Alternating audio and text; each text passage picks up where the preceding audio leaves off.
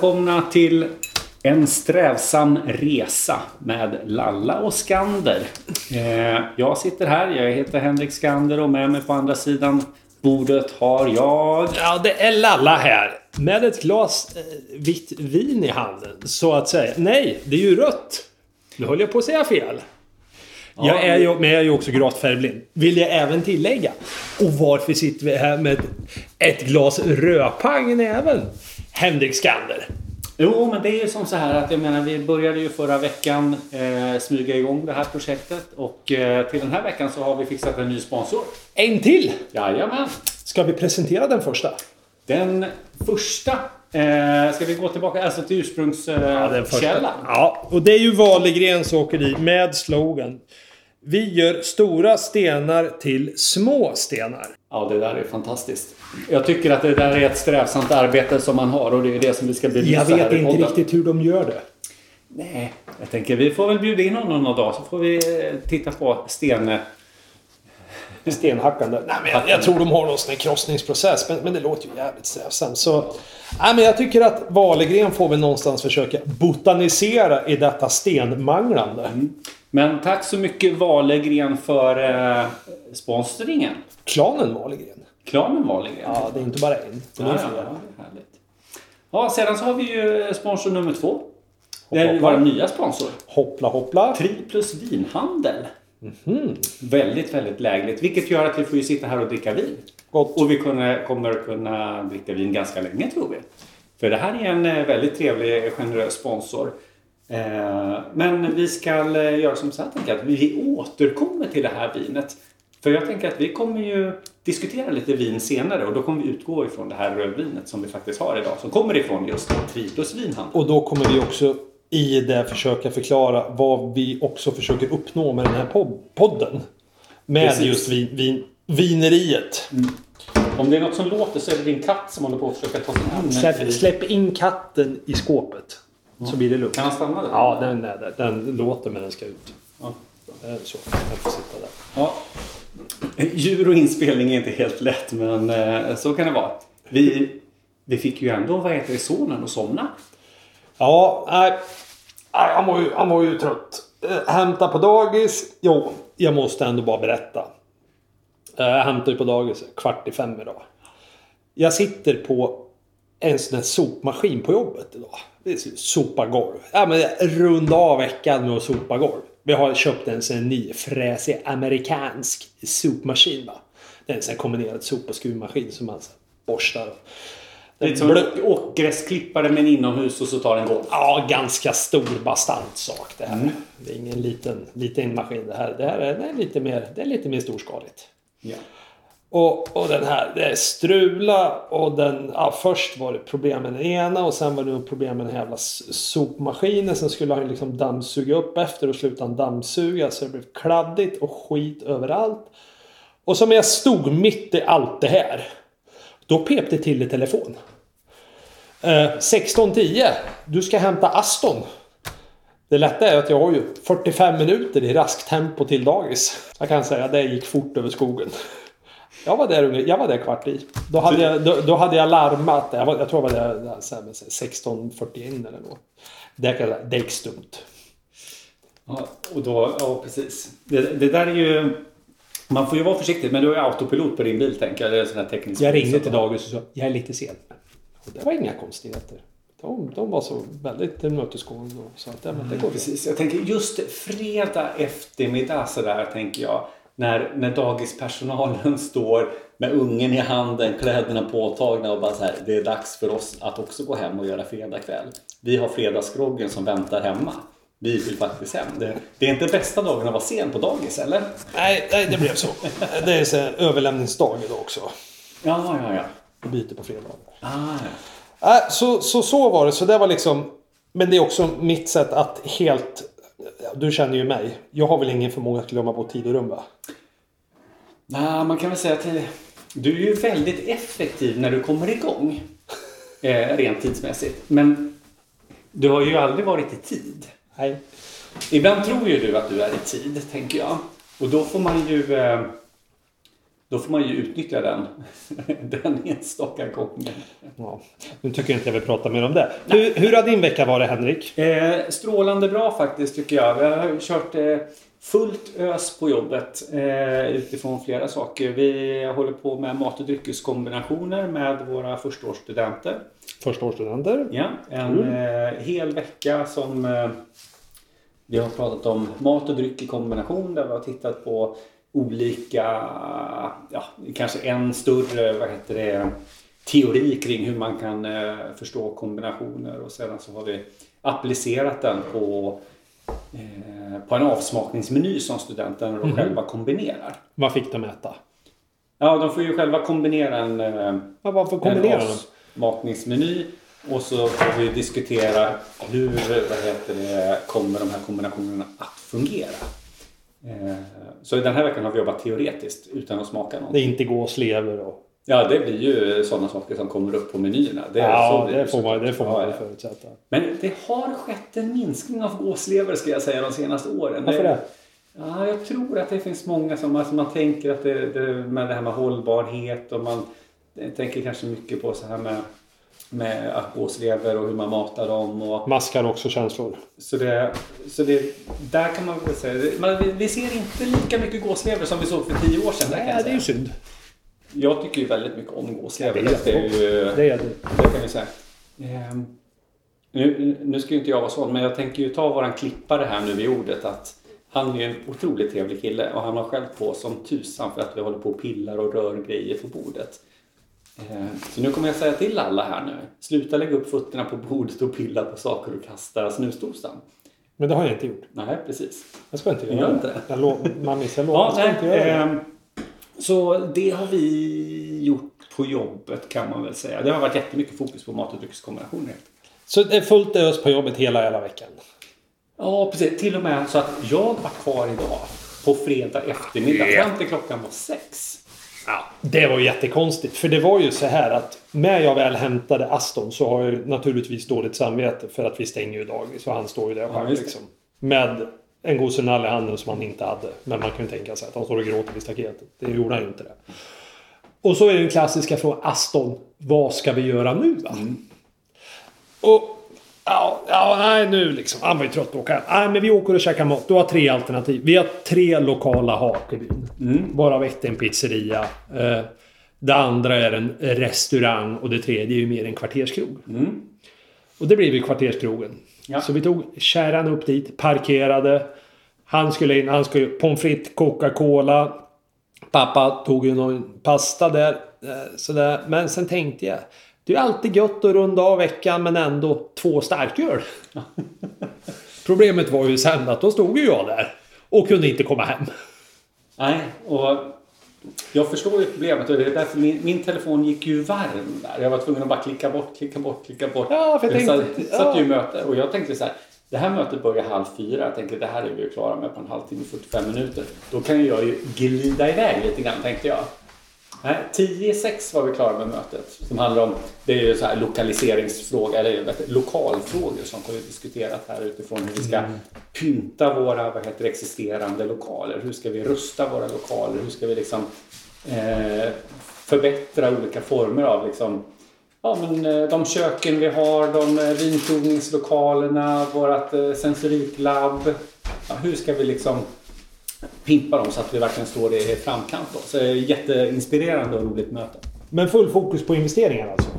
Ja, ja, men precis. Ja, exakt. Det handlar ju om hur ska vi investera mest eh, ja, nyttigt Hur ska vi kunna bränna mest pengar på, på kortast möjligaste tid och ha jävligt roligt på resan?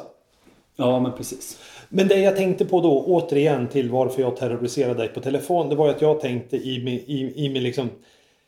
Silla... I min... Vad säger man? Snilla blixt. Snilla blixt. Inte Silla. Snilla blixt. Ja. Ja men då kan jag ringa Henrik va? Så kan ju han komma ner för du bor ju ändå nära kvarterskrogen. Ta bilen med mig och min son och köra hem oss. Just det. Fick inte tag på dig. Då var jag lite orolig. Ja, för Aston sa ju till mig, det är väl bara du kör hem pappa. Nej, du vet ju vad det är med man har druckit öl. Ja, då får man ju inte köra bil. Nej. Eh, Och det innebär att vi får gå. Ja, fast jag vill ju inte gå, säger han. Nej, det vill inte jag heller, sa jag. Så det var bara att vänta en timme Så till vi fick vänta ut. Och det, Det roliga blir att då hinner man ju ta en öl till. Ja. Ja, det där är ju strålande. Ja, det är. Men det är ju också fredag. Det är lite fredagsfeeling. precis. så vi sket i tacos, tacos eller tacos eller vad fan det där heter. Vi gick till kvarterskrogen. Han drog en stor balja pommes frites. Han fick ett rör med Pringles och han fick en chokladdessert. Trevligt. Ja. Med, med sån här hallon. Med, med ett färskt hallon på. Ja, det där är fint. Det där är ju goda grejer. Ja, det, jag, jag tror, jag, med tanke på hur han slocknade av när han kom innanför dörren. Jag tror det tog eh, två minuter så var han borta och så låg han och sov. Han gick och la sig. Så jag tror han har haft den mest strävsamma veckan av oss Ja, det är strä- långa dagar. Han har kört långa pass på dagis. Men åter om, om den strävsamma resan. Men du, jag upplever ändå inte att din vecka varit så jädrans strävsam. Det där var ju fantastiskt. Eh, Framförallt var det otroligt roligt. Jag älskar ju att prata om mat och dryckeskombinationer. Det är ju lite mitt hemgebit kan man väl säga. Det är ju ändå där som jag har lagt liksom hela forskningstiden, eh, fem år de senaste åren liksom, på att eh, arbeta med det. Och sen har jag ju, tittar man tillbaka i tiden, så jag menar jag började ju med mat och dryckeskombinationer på, jag vet inte. 70 kallt. Ja, i alla fall Typ. eh, sent 90 kanske. C90. Eh, så det, det är väldigt, väldigt roligt. Jätteroligt. Eh, otroligt eh, fascinerande studentgrupp som är supertaggade. Så det är jätteroligt och de utmanar en på nya tankar och de, de kommer alltid med de mest kreativa idéerna och sådär. Så det är ju jätteroligt att jobba med det. Men samtidigt så har jag också suttit och skrivit. Det är ju så här, det blir ju några timmar går åt det varje dag sådär och sen så sitter man ju och skriver så det blir när man har så mycket undervisning en vecka så blir ju alla andra dagar lite så förskjutna för man behöver ju sitta och skriva saker och ja, jag har haft mycket jag har haft lite nya forskningsidéer om hur vi ska få in ett stort, landa ett stort projekt på kanske någon miljon här. Det är lite hemligt. Det kommer jag återkomma till lite senare om vi får. Men det handlar om mat. Ja, jag kan inte säga mer. Nej, men det handlar om mat. ja, precis. Man får inte eh, kläcka vad heter det, forskningsidéerna. För det Break att någon, snor dem före. Och då blir man två som konkurrerar har samma genialiska idé. Ja, det vill vi inte. Så det där är roligt. Nej, så det har varit en jättebra eh, vecka Det är, faktiskt. det är strategiskt vä vägval för hela Grythyttans utveckling kan man säga. Ja, men det finns några smarta grejer där i faktiskt. Bra. Hur har träningen gått? Eh, träningen har gått bra. Det har varit eh, väldigt strävsam träning den här veckan. Eh, men det blir lite grann så när man... Alltså det blir långa dagar på jobbet så jag har varit uppe, jag körde... Eh, Eh, tog i och för sig en förmiddag och åkte till Örebro för att simma. Så jag väl inte säga att jag jobbade igen Nej, den förmiddagen. Men det jämnar ut sig i det långa loppet. Men då eh, kunde jag köra dubbelpass den dagen. Så körde jag vet, simning på förmiddagen och så sprang jag på kvällen. Och, så det var väldigt trevligt. Hunnit med två cykelpass och två löppass och ett simpass. Så idag blir det nog ingen träning alls. Så ser jag fram emot ett eh, längre löppass och något långt jäkla cykelpass här i helgen. Duktigt. Ska ju bli bra väder. Ja, ösregn har jag sett så det, det blir väl spännande. Hur har det gått för din träning? Vad, vad har varit det mest strävsamma i din Nej, träning? det har inte, nej men det är strävsamt med träningen. Jag har ju inte... Jag, löpte, jag har varit lite på resande fot den här veckan. Jag har varit i, i Småland. Och besökt en jädra drös med kunder. Gud vad härligt. Ja, det var så fint det. Så jag styrde kosan söderut i tisdags klockan lunch. Och landade söder om Värnamo. På en alltså, ja, men så här herrgårdsmiljö. Hej, jag har aldrig bott där förut. Eh, Man kan säga ladda bilen där, så det var väldigt smidigt. Så, så jag styrde in där, fick en trerätters middag. Eh, De stänger ju tidigt. Så, så här, ja, men var ju där halv sju. Så när det kommer till träning. Som mitt nya recept, då gör jag 100 burpees. Just det. Håller jag på med pappret igen och prasslar. Henrik vill inte att jag prasslar för det, vi har fått skäll från han som redigerar våra poddar att det blir alldeles för mycket jävla ljud i bakgrunden. Och det, den största i största allmänhet har ju problem att sitta still och det blir ju ännu jobbigare när jag inte får göra någonting. det kryper hela kroppen på dig. Ja, men det är ungefär, det, det är ungefär som att säga att någon, du får inte tänka på poliser. Vad är det första man tänker på? Polis. Ja men det blir ju så. Tänk inte på Förlåt, prassla, nere- var tänk inte på prassla med pappret. Vad är det första man tänker på? Att prassla med pappret. Vi kanske kan klippa upp och bort hela Ja, men det är väl lite, lite, det är väl Ja, det roligt, roligt, Ja. Jo, men så bodde jag på den här lilla herrgården. Och sen utifrån att göra mina hundra, hundra strävsamma burpees till ett dansbandsmedley av Scotts.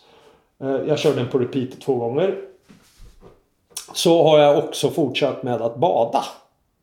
Mm, bada kallt. Jag badade i vatten. Bada sjö. De hade en sjö utanför där.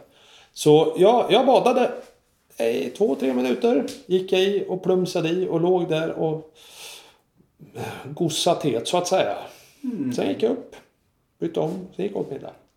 Jag får se, det kanske blir premiärdopp i helgen. Om det är någorlunda Helt underbart. stilla i vattnet eller något. Det spelar inte så stor roll. Men det blir ju... Vad heter det? Då skulle man kunna få till ett litet eh, simpass i sjön kanske. Ja, men Okej. utan dräkt. Nej, med dräkt, med huva, dubbla Ja, ja, det förstår jag om du ska simma. Men jag är som jag sagt, jag har ju hållit i och duschat kallt i över ett år. Ja. Men du hade dåligt med pengar? Eller vad var det som var...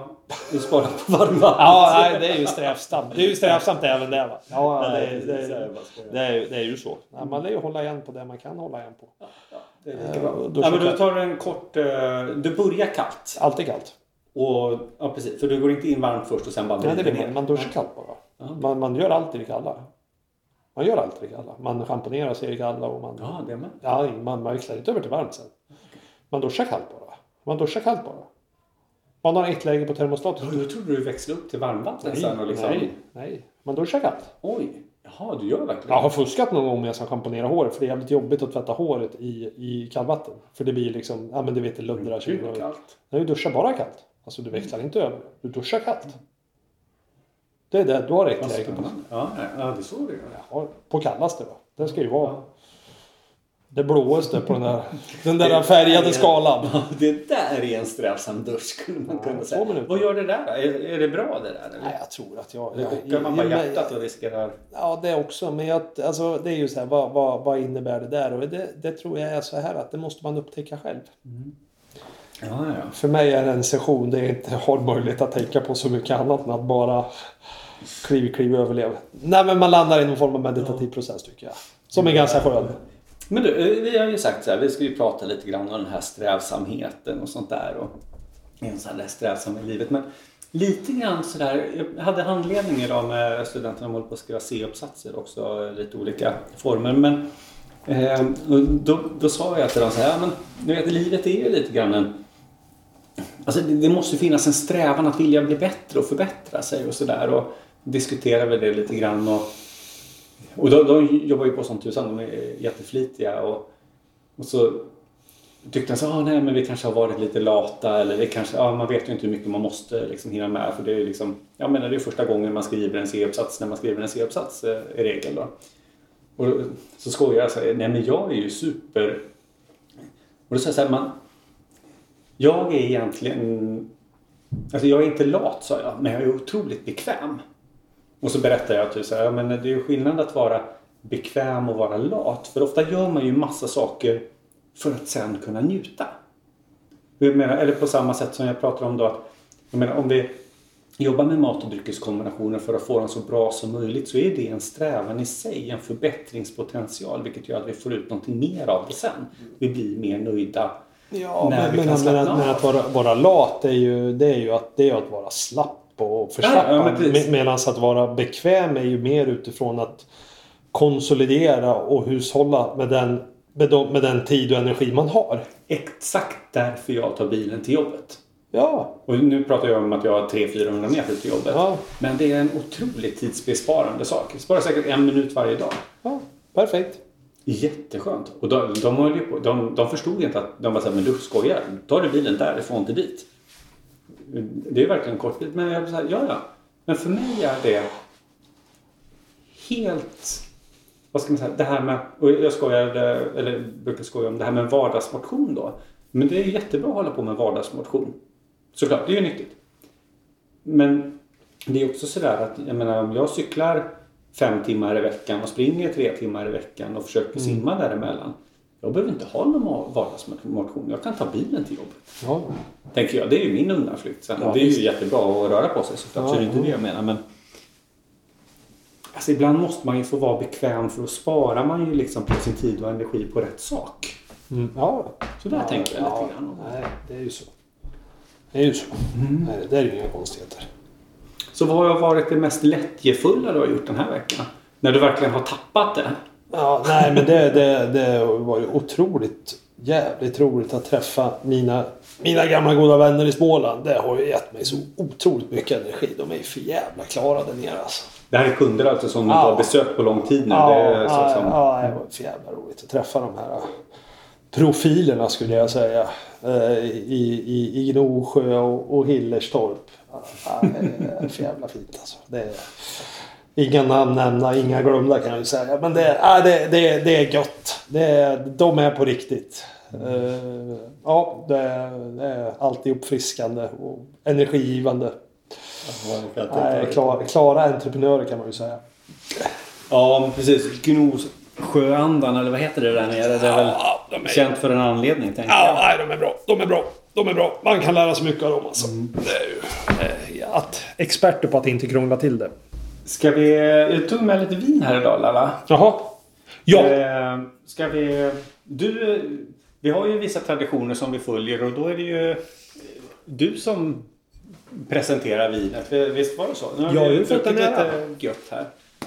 Vad har jag tagit med för vin idag? Och en del med syftet med den här podden. Det är ju att du ska på något sätt försöka fortbilda mig i någon form av...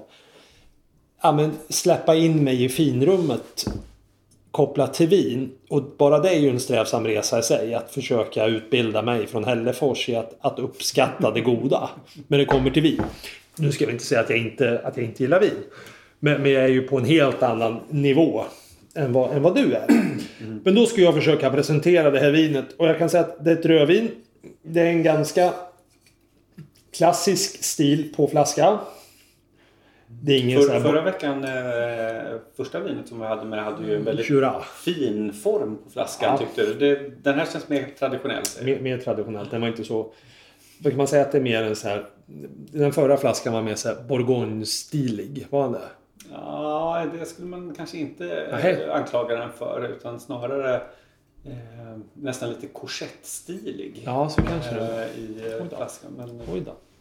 Bourgogne har ju väldigt sluttande Ja, det var så det den jag påminner ju om den lite grann. Men den var ju också lite utåtputtande. Ja, det kanske... Ja, det var han ja. ja. Den var väldigt fin flaska. Ja, men den är lite ovanlig form på den. Ja, det var nog en vanlig form.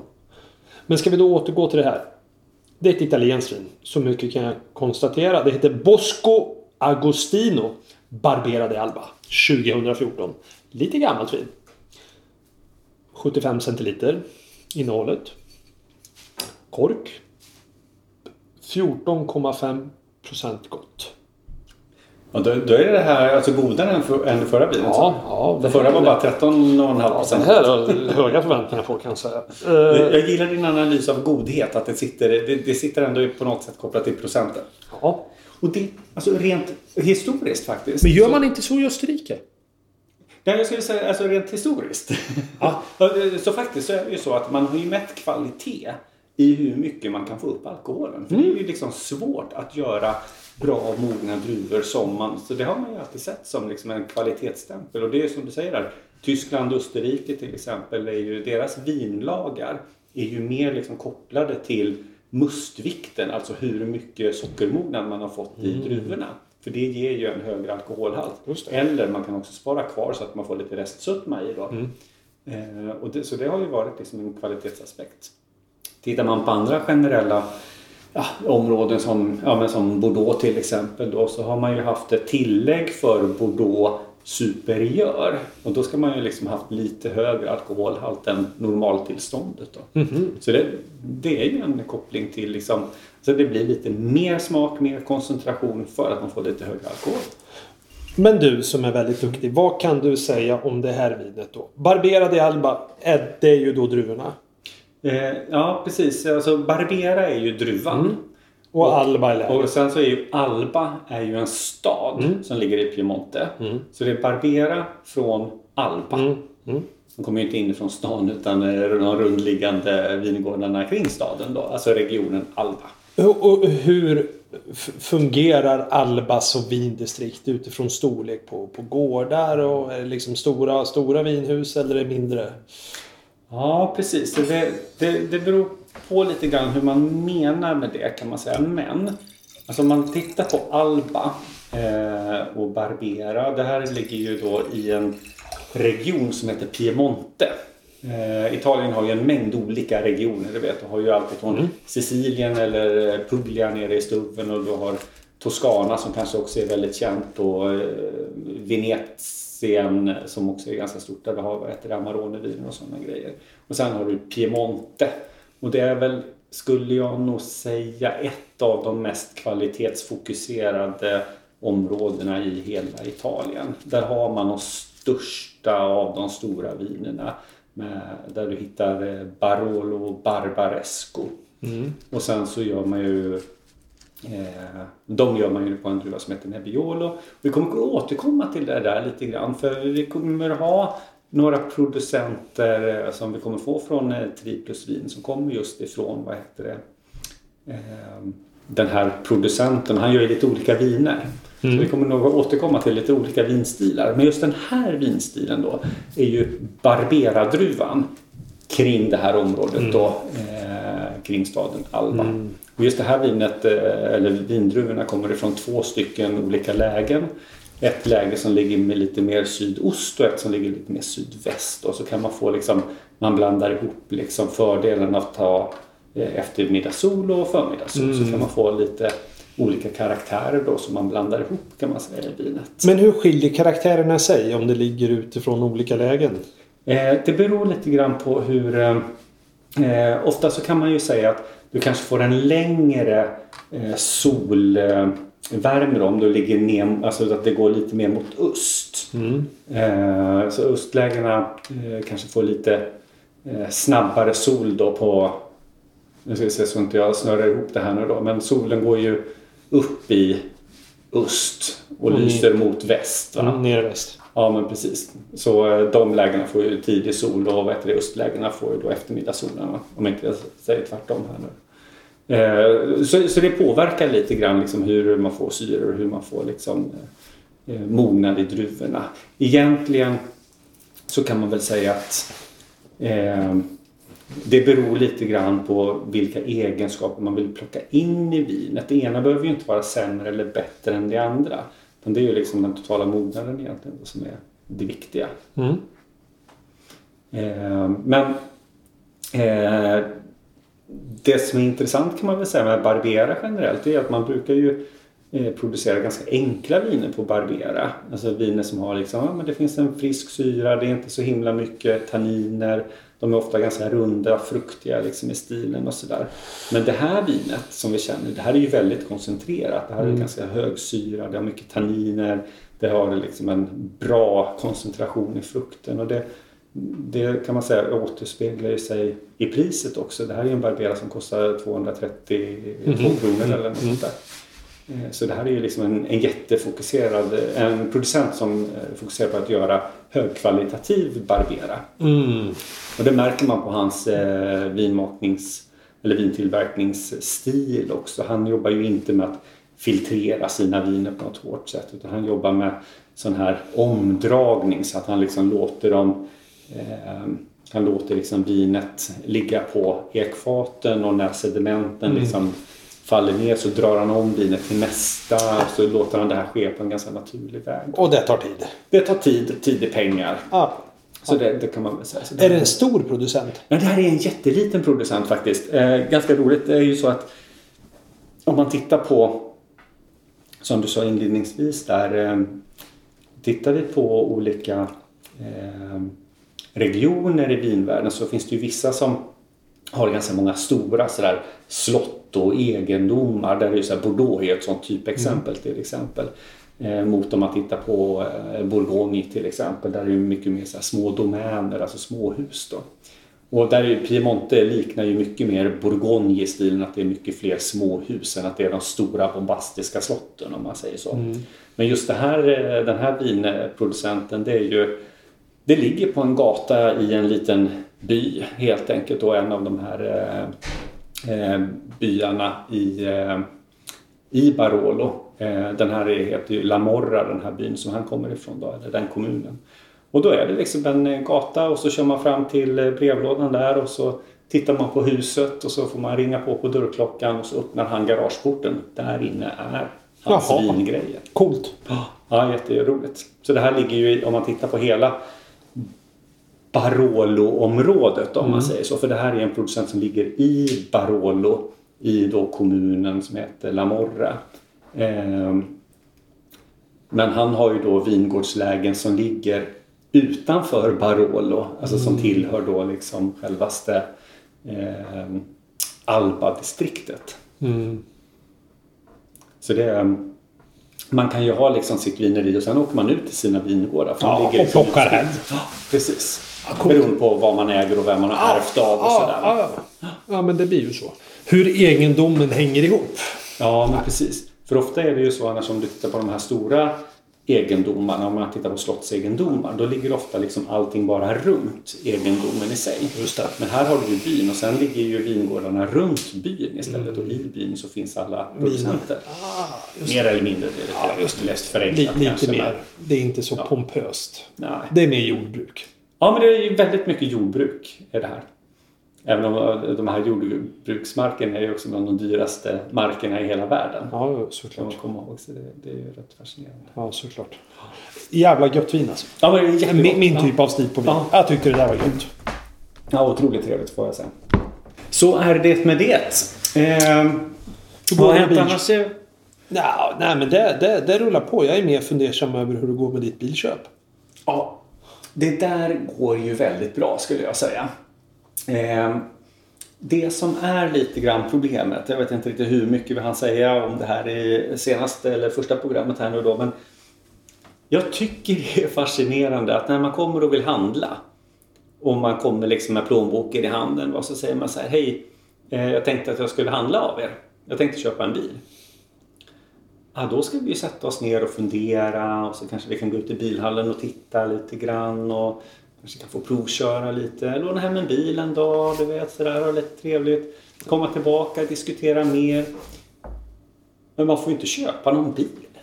Det här tar ju tid. Ja, det är ju det där ju, du skulle, det som jag sa, sagt tidigare. Alltså, det är, man ska ju köpa bil som man köper bil i USA. Då åker man till en local Ford dealer och sen har han Just Ford 870, ja men Ford eller GM. Ja. Då har de liksom 1800 acres of pickups ready for instant delivery. Ja. Who to pick? Sen åker man golfbil ut. Man blir mellan bilarna. Ja, så långt. långt. Vil- Vilken ska du ha? Jag har en i blått, svart, grönt. I den här specen. Sen har jag 2700 andra som är liksom med en annan spec. För en amerikan, en amerikan åker och köper bil. Då gör han det. Man har, man har, liksom, han har feeling fredag eftermiddag och fått i sig en grogg. I- Och, och, och sen tar han sin nuvarande pickup. Sen åker han till dealern. Nu byter in sin gamla. och Sen åker han hem med en ny. Ja. Nej men, han, han, då, nej men det är ju det här. Alltså, i USA bygger du på att allting alltid ska vara tillgängligt. Alltså du ska kunna köpa direkt. Ja. Det är liksom allting. Har du feeling Fascinerande så ska du kunna köpa direkt. Och det är, det, det är liksom hela liksom den kommersiella modellen. Det är bara liksom ett klick bort liksom. Du vet, jag tycker det är så roligt. Jag satt och pratade med bilhandlaren, du vet. Och man sa, ja, men jag har varit på ett par olika och så här, tittat. Och, ja, men du vet, och så har vi ju det här spoilerpaketet liksom. Och sen har du ju de här eh, däckvarianter. Och jag är så här, jag är så fascinerande ointresserad. Ja. Jag är så bara så här, kan vi inte prata så här färg? Mm. Jag, ska köpa en svart bil. Ja, och det där, det där har vi ju. Och svart är ju, är ju säkert också en fin färg. Men Det är inte bra med repor och sånt där. Men jag Ja, tänker det att det, det kanske skiten syns minst. Ah, då ska du köpa en grå bil. Men skit okej. i det. Ja, skit i det. Skit i det. Jag har ju kommit fram till utifrån att du velar något så fruktansvärt med dina bilköp och inte riktigt vet vad du ska ha. Så jag har ju, jag har ju tidigare sagt att du har ju åkt franskt i många år. Mm. Sen hade du en period då du åkte japanskt. Vilket var i särklass det bästa bilköpet du någonsin hade gjort. Sen råkade din sambo smälla skiten så det blev hajmat av allt. Ja, Alltså den, den dog ju. Den det blev som det blev. och då köpte du franskt igen. Som du hade problem med. Och du har ju alltid varit meck med dina franska bilar. Men, men jag kommer kasta in en ny grej. Att innan du bestämmer dig så har jag sagt det tidigare och kommer säga det igen. Att jag kommer göra en flight Alltså utifrån en provning där, vi ska, där du blint ska få testa dryck från olika nationer som är bilproducerande länder. Och den drycken du upplever är godast. Från det landet ska du handla bil. Det där är en strålande idé måste jag säga. Det där kommer att bli bra. Problemet är ju att det ofta alltid blir franskt då liksom. Upp, upp, upp. Men nu är det, jag, jag kommer berätta mer i detalj. Allting har inte kommit än. För det, jag är ju tvungen att beställa och. Ja, ja, ja. ja det där kommer att bli spännande. Ja.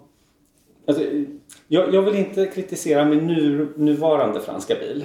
Eh, den har ju ändå fungerat fläckfritt. Det får jag säga. Men den har jag ju köpt ny också så den har ju funkat bra. Men den gamla bilen, franska bilen, den kan ju ha tappat någon motor och sådär. Ja, du tappade en motor söder om eh, Karlskoga och du ringde till mig. Mm. Ja, det är något fel med bilen. Så bara, vad har hänt? Sen, bara, ja, sen körde vi hem. Sen kom jag och tittade på bilen. Då hade du ju tappat motorn va? Alltså, det hängde. Den, den hängde. Ena motorfästet hade ju rostat av. Så, så motorn hängde ju på här, en punkt. Den släpade ju backen. Ja, det var lite Men du lagade aldrig upp den? Eller jo, fixade de till det där? Jo, jag tror jag gevär den där på någon typ av eh, polsk service. Ja. Som eh, körde på den där tror jag. Ehm, Men de fixade till det där. Jag tror att det var samma bil som jag också parkerade med i den lilla sluttningen som jag har hemma du, hos ja, mig. du glömde lägga handbromsen i nedförsbacken. Ja. Så den stod lite konstigt ner i, Mm. ja, som ett dike kan man säga. kommer jag ihåg. Det var jätteroligt. Det var väldigt tokigt. Och då säger så här, jag är inte bara ointresserad av bilar, kan ju inte köra bil heller tydligen. Jo, det kan Jo, det kan ja, ja, Men det, det hoppas vi kommer. Låt säga avsnitt tre. Ja, Ja, avsnitt men tre jag hoppas på vi. att det är nästa avsnitt då så kan vi köra en liten dryckesflight och så får vi se så att jag får hem rätt bil. Liksom. Det blir ju bra. Mm. Ja, det där kommer bli spännande. Ja, vad var det? Jag tänkte ju på någonting annat spännande här faktiskt. Eh, Jag tänker på jättemycket men jag vill inte ta för mycket av din värdefulla tid. Nej, Så jag tycker tänker att du, vi kan ta lite grann av eh, den tiden. Din? Ja, eh, att du har någon idé här som jag tycker låter spännande. Eh, jag håller ju på att slita med mitt strävsamma bygge här ute. Ja, just det. Detta förbaskade jävla uterum. Som aldrig blir klart. Det är ju inget, det, det, det är ju inget uterum. Eh, det är ju ett fullisolerat tillbygge till den befintliga kåken. Men jag har definierat det som ett uterum. Så jag håller på ute i uterummet. Och, och, ah, ah. Men jag har sagt att det ska vara klart till midsommar. Och jag är på jakt efter en murare. Så känner någon en murare som kan putsa.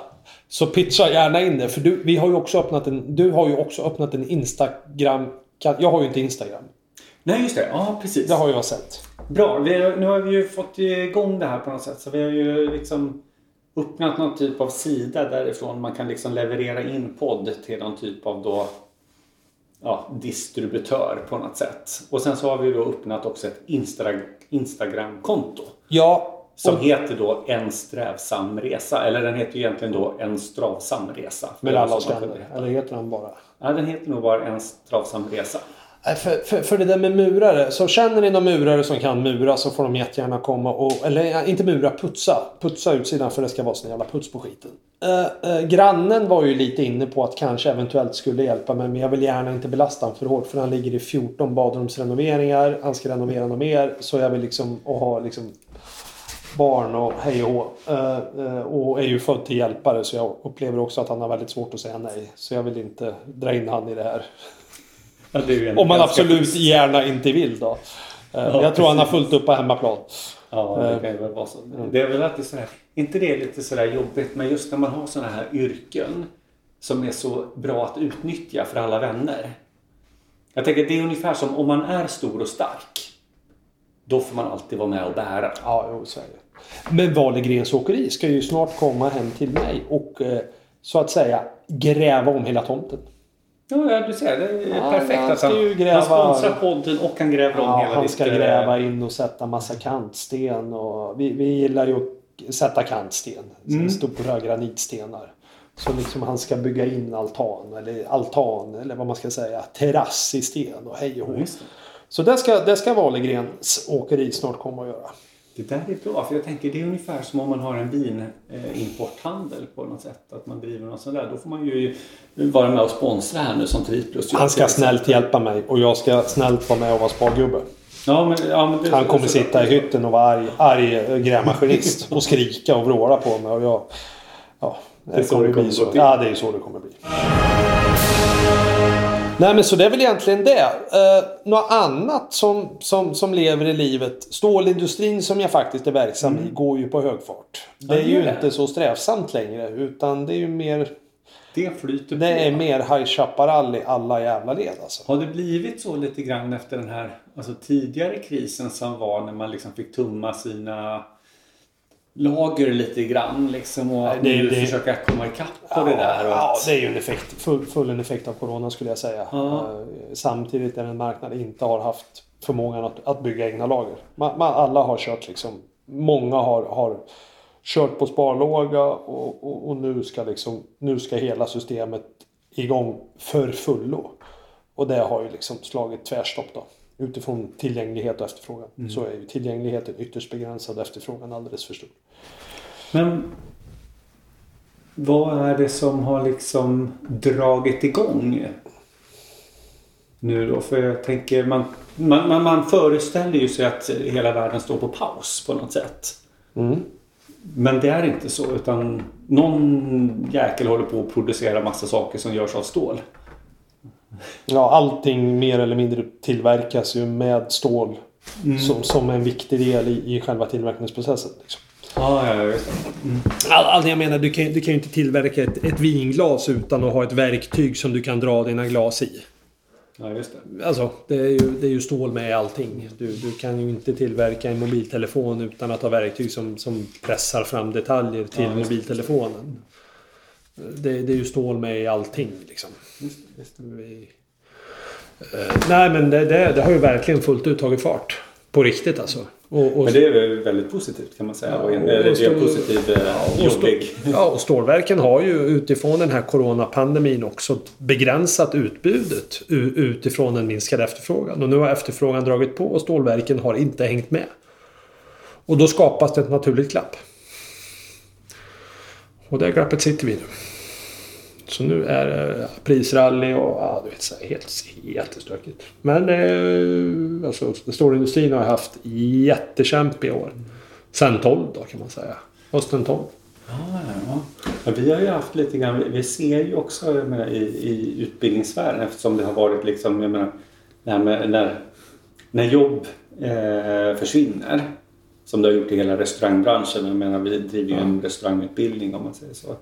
Eh, så så vi ser ju också en tillströmning liksom till oss. Vi ser ju hur det ökar också liksom, i, eh, i söktryck och sådär. Vilket det är ju väldigt angenämt även om det blir ju också lite grann så att man lever lite grann på andras olycka sådär ibland. Att man, så här, folk är rädda för, för jobben och folk söker sig till utbildning. Ja, liksom. det, men det blir ju, blir ju en naturlig effekt utifrån det system vi lever i. Att, att i en lågkonjunktur, alltså i en lågkonjunktur som det ändå har varit Ja. ganska rejält Ja för restaurangbranschen så kommer man ju utifrån att arbetslösheten ökar så kommer ju allt fler försöka hitta annan form av sysselsättning och då blir ju studien en naturlig del.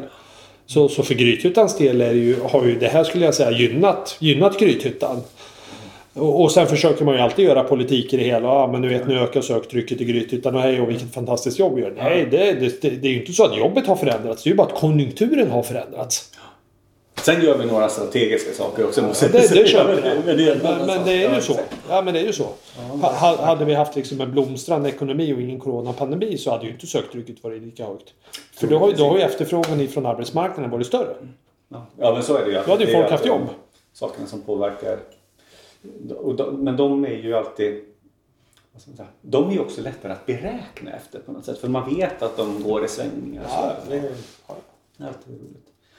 Jaha du, men så hur, hur ser eh, helgplanerna ut här nu då? Kommer det bli en hård helg? Kommer det bli arbetsamt? Kommer det bli liksom... Nej. Det kommer vara jäkligt lugnt. Jag ska åka och hälsa på ett par goda vänner imorgon. Med Aston. Eh, Det blir väldigt trevligt. Eh, Jag ska försöka träna lite helgen. Ladda batterierna inför nästa vecka. Ska ut och flänga och fara nästa vecka. Tisdag, onsdag hem. Torsdag, fredag har jag en anställningsintervju. På jobbet. Ja, spännande. Ja, det går så bra. Så ni bara nyanställer och håller på. Ja, vi, vi, vi försöker fylla på. Så det är jävligt bra. Det är jävligt bra. Är vi inne i en bra, bra, bra resa med jobbet. Så jag är jävligt, jag är så jävla glad. Så det är bra. Ja, men det där är skönt. Och det är väl där någonstans som jag tänker att strävsamheten lönar sig lite grann. Alltså det är ju inte som att... Det, visst, det är såklart som vi säger här nu då att det finns... Jag slår på lite vin åt dig Anders Ja. Mm, Det finns, Pilskar till ju, lite det finns ju alltid lite så här konjunkturspåverkan. Men, tänker jag, alltså hårt arbete lönar sig också. Jag menar att man liksom arbetar och man har en strategi och man försöker ta tag i problemen eller man försöker lyfta eh, och se möjligheter. Det är ju alltid något som är viktigt, tänker jag. Och det, och det är väl det som gör att vi, vi ser att vi båda två mår ganska bra har det ganska skönt även om förutsättningarna har varit liksom svåra under en tid. Ja, liksom, så. Så Ja, det har ju varit strävsamt i ganska många år. Ja, ja, ja precis. Ja, och Det- även för universitetet har också har ju haft en... Det har ju varit en kämpeperiod. Det är ju inte bara senaste ett året som, som, har varit, som, som har varit en utmaning i sig. Utan det, det har ju också varit en resa dit. Som någonstans också har föranlett det beslutet man la. Att, att, att, att flytta universitetet. Nu har man ju backat på det va? Nu, nu är det ju Ja, ja, och vi nu är, det, nu är det full jävla fart framåt. Ja, men precis. Du pratar om eh, det här när man har tittat på restaurang och hotellhögskolan i Grythyttan när man skulle omlokalisera den till Örebro eller om Just skulle ligga kvar. Ja, men precis. Det, där har man ju nu tagit ett beslut att man ska behålla eh, kock och sommelierutbildningen liksom, i Grythyttan. Mm. Fokusera på det som är liksom kärntruppen om man säger, Mm. eller det som är ursprungsidén. Liksom, mat, vin eller mat och dryck. Det är det som är liksom fokusfrågan och där ska vi lägga fokus och Mm. koncentrera oss då på nu. Och det, det blir ju en tydlighet kanske då i förhållande till utbildning, forskning. Liksom, att vi får Mm. någon typ av koncentration. kanske blir lättare att driva framåt här nu. Så det, vi får se vad som händer. Det, jag tycker det är en spännande resa och jag tror att det är en... eh, jag gillar ju mitt jobb. Jag älskar ju både vad heter det, alltså den delen som handlar om att jobba liksom, eh, med forskningen och med utbildningen. Jag tycker det, det är ungefär... Det är alltid så svårt när man så här... Ja, men ska man prioritera det ena eller det andra? Men för mig är det så himla, himla självklart att också liksom... Alltså jag älskar att stå i föreläsningssalen lika mycket som jag tycker om att samverka i forskningsfrågor och sådana Mm, saker. Jag tycker det är lika spännande även om forskningsfrågorna nu för mig är mer det är också lite grann så nyhetens behag nu när jag liksom fått forskarutbildningen på plats och disputerat och så. Det gör ju att man ju nu kommer in i en ny värld av de här forskningsdelarna på universitetet. Att man får liksom en ny tillgång till eh, ja, vad ska man säga, andra saker, Mm. andra frågor som man blir involverad i. Och det, det är ganska roligt. Så. Det, det utvecklar ju liksom också då hur man ser på sin, ja, på utbildningsdelen. Så det är fascinerande och roligt faktiskt. Det, det kommer vi se rätt mycket Jag, jag tror ju... saker som kommer hända. Ja, jag tror det. Och så länge du kommer sitta där så är jag helt övertygad och jättetrygg att universitetet har en fantastiskt fin, fin resa framåt. Där, där man kommer utvecklas i en jävla fin, jävla fin takt. Jag är helt övertygad. Jag fick faktiskt nu, jag fick faktiskt ett mail här i veckan. Eh, Jag har ju Ja, du är ju duktig på riktigt Henrik. Du är ju grym alltså. Det, det, var, det var snällt sagt. Eh, och bara för att bekräfta mig själv lite grann. Nu motiverar, jag inte på, Det- det- nu motiverar inte jag på vilket sätt du är duktig. Jag bara säger Nej, det i generella termer. Men jag har ju, alltså när, när jag fick min anställning så har jag en adjunktanställning som det heter. Alltså det är ju då att man, ja, men man jobbar som lärare i all enkelhet. Och eh, om man disputerar eller är disputerad, att man har liksom doktorerat, så kan man då få en eh, en lektors, eller ett lektorat. Man får en lektorstitel helt enkelt. Eh, Men för att kunna få den titeln så måste man skriva en ansökan om befordran av tjänst. Och det kräver då att man har gjort vissa ja, pedagogikkurser, att man har skrivit mer forskning än bara sin avhandling. Eh, och eh, man ska liksom göra en pedagogisk meritportfölj och lite sådana här saker. Då. Och så får man skicka in det för bedömning. Så nu fick jag faktiskt eh, svar från den sakkunniga som då har tillsatts för att bedöma eh, min eh, befordran helt enkelt. Där hon har rekommenderat till fakultetsnämnden att ta beslut att eh, befordra mig till lektor. Oj! Så, eh, jätteroligt. Ska vi skåla på det? Ja, men det tycker jag vi ska. Ja, det där är ju bara början. Så det betyder väl egentligen då inte något mycket mer än att jag får högre lön. Nej, nej, nej. Men det, det finns ju mycket andra positiva sidor av det. Det tycker och, jag också och man får ändra lite grann i CVt. Att det, eller i, vad heter det, du vet så här, i mail... Eh, Signaturen. signaturen. Ja. Ja. precis. Istället för att det står adjunkt så får det nu stå lektor. Jag tycker också att vi i kommande podd ska prata mer om dina historiska uppdrag. Framförallt kopplat till, ja, vad ska jag säga? Being a movie star slash producer. Ja. ja, precis. Men det tycker jag vi tar i nästa podd. Det, det, det kan vi ta i nästa Den kan vi ta i kombination ja, med bilköpsflighten. Ja, exakt. Ja, men det tycker jag låter bra. Mm. Eh, det, det, finns ju, det finns ju även andra, vad heter det, eh, andra karriärsmöjligheter som eh, ordningsvakt och lite sådana här Balettdansös. Det har vi inte varit inne på. Nej, jag tror inte vi har tagit upp det än faktiskt. Eh, Nej, och det är också någonting vi måste prata om mer. Historiken gällande Henrik och historiken gällande mig. ja, För det har vi kanske inte heller varit inne Eller har vi varit inne på utifrån hur vi egentligen träffades? Det kanske vi har. Ja, jag tror det första dagen så, Ja, det första, kanske, ja. så pratar vi om det Bubblar vi här. ihop den där skiten. Vi blir lite lätt förvirrade när man stryker ett avsnitt och man försöker spela in ett nytt. Ja, ja, ja, det är ju så. Sen, det. sen har vi också pratat om att bjuda in gäster. Ja. Och vi var inne förra veckan då jag råkade namedroppa det här med att eh, jag har en god kollega som eh, har myntat uttrycket att, att jag är ju i hög grad värderingsstyrd. Ja, I, högre grad av andra. Ja. Och, och ja, jag ska väl försöka bottna i det här med honom och höra ifall han vill komma och utveckla det i den här podden. Ja, precis. Och så länge han eh, inte har varit här så väntar vi med att outa den stackaren. Han får presentera sig själv, ja, precis. tänker jag. Det tycker jag låter bra. Jag tror att vi har ganska många att se fram emot som kan eh, komma hit och eh, vara med oss och eh, prata om deras mm. strävsamma resa i livet. Men vad fan, klockan är åtta. Ja, jag har lovat min sambo att hon ska få en riktigt bra drink idag när hon kommer hem. Trevligt. Hon kommer hem någon gång vid halv nio, nio Ja, tror men jag. Så det- drinken vara framme och Ja, gött. redo att alla minut hällas upp kan man säga. Ja, du är duktig på det. Vill inte låta den stå och bli varm. Nej, det är ju så. Nej, men hade jag varit lagt åt andra hållet Henrik, då hade jag ju raggat på dig. Det är ju så. Ja, men det har vi varit överens om länge. Liksom, Ja, det, det, det hade ju blivit det så. får vi ju ta, ta den dagen liksom. Så det, Men, men vi har kommit till insikt. Ja, precis. då, då jävlar. Då blir det åka av sig. Du, eh, det där är ju... Vi har lite att se fram emot. Så eh, vi får väl hålla alla på på halster lite grann eller vad det heter. Ja, och nu är ju avsnitt två klart. Ja. Och vi tjoffar upp den, in på redigering, sen ska skiten ut. Tack så mycket eh, för idag. Tack så får vi mycket, ha en Henrik. fortsatt trevlig kväll. Jajamän, detsamma. Hej. Hej.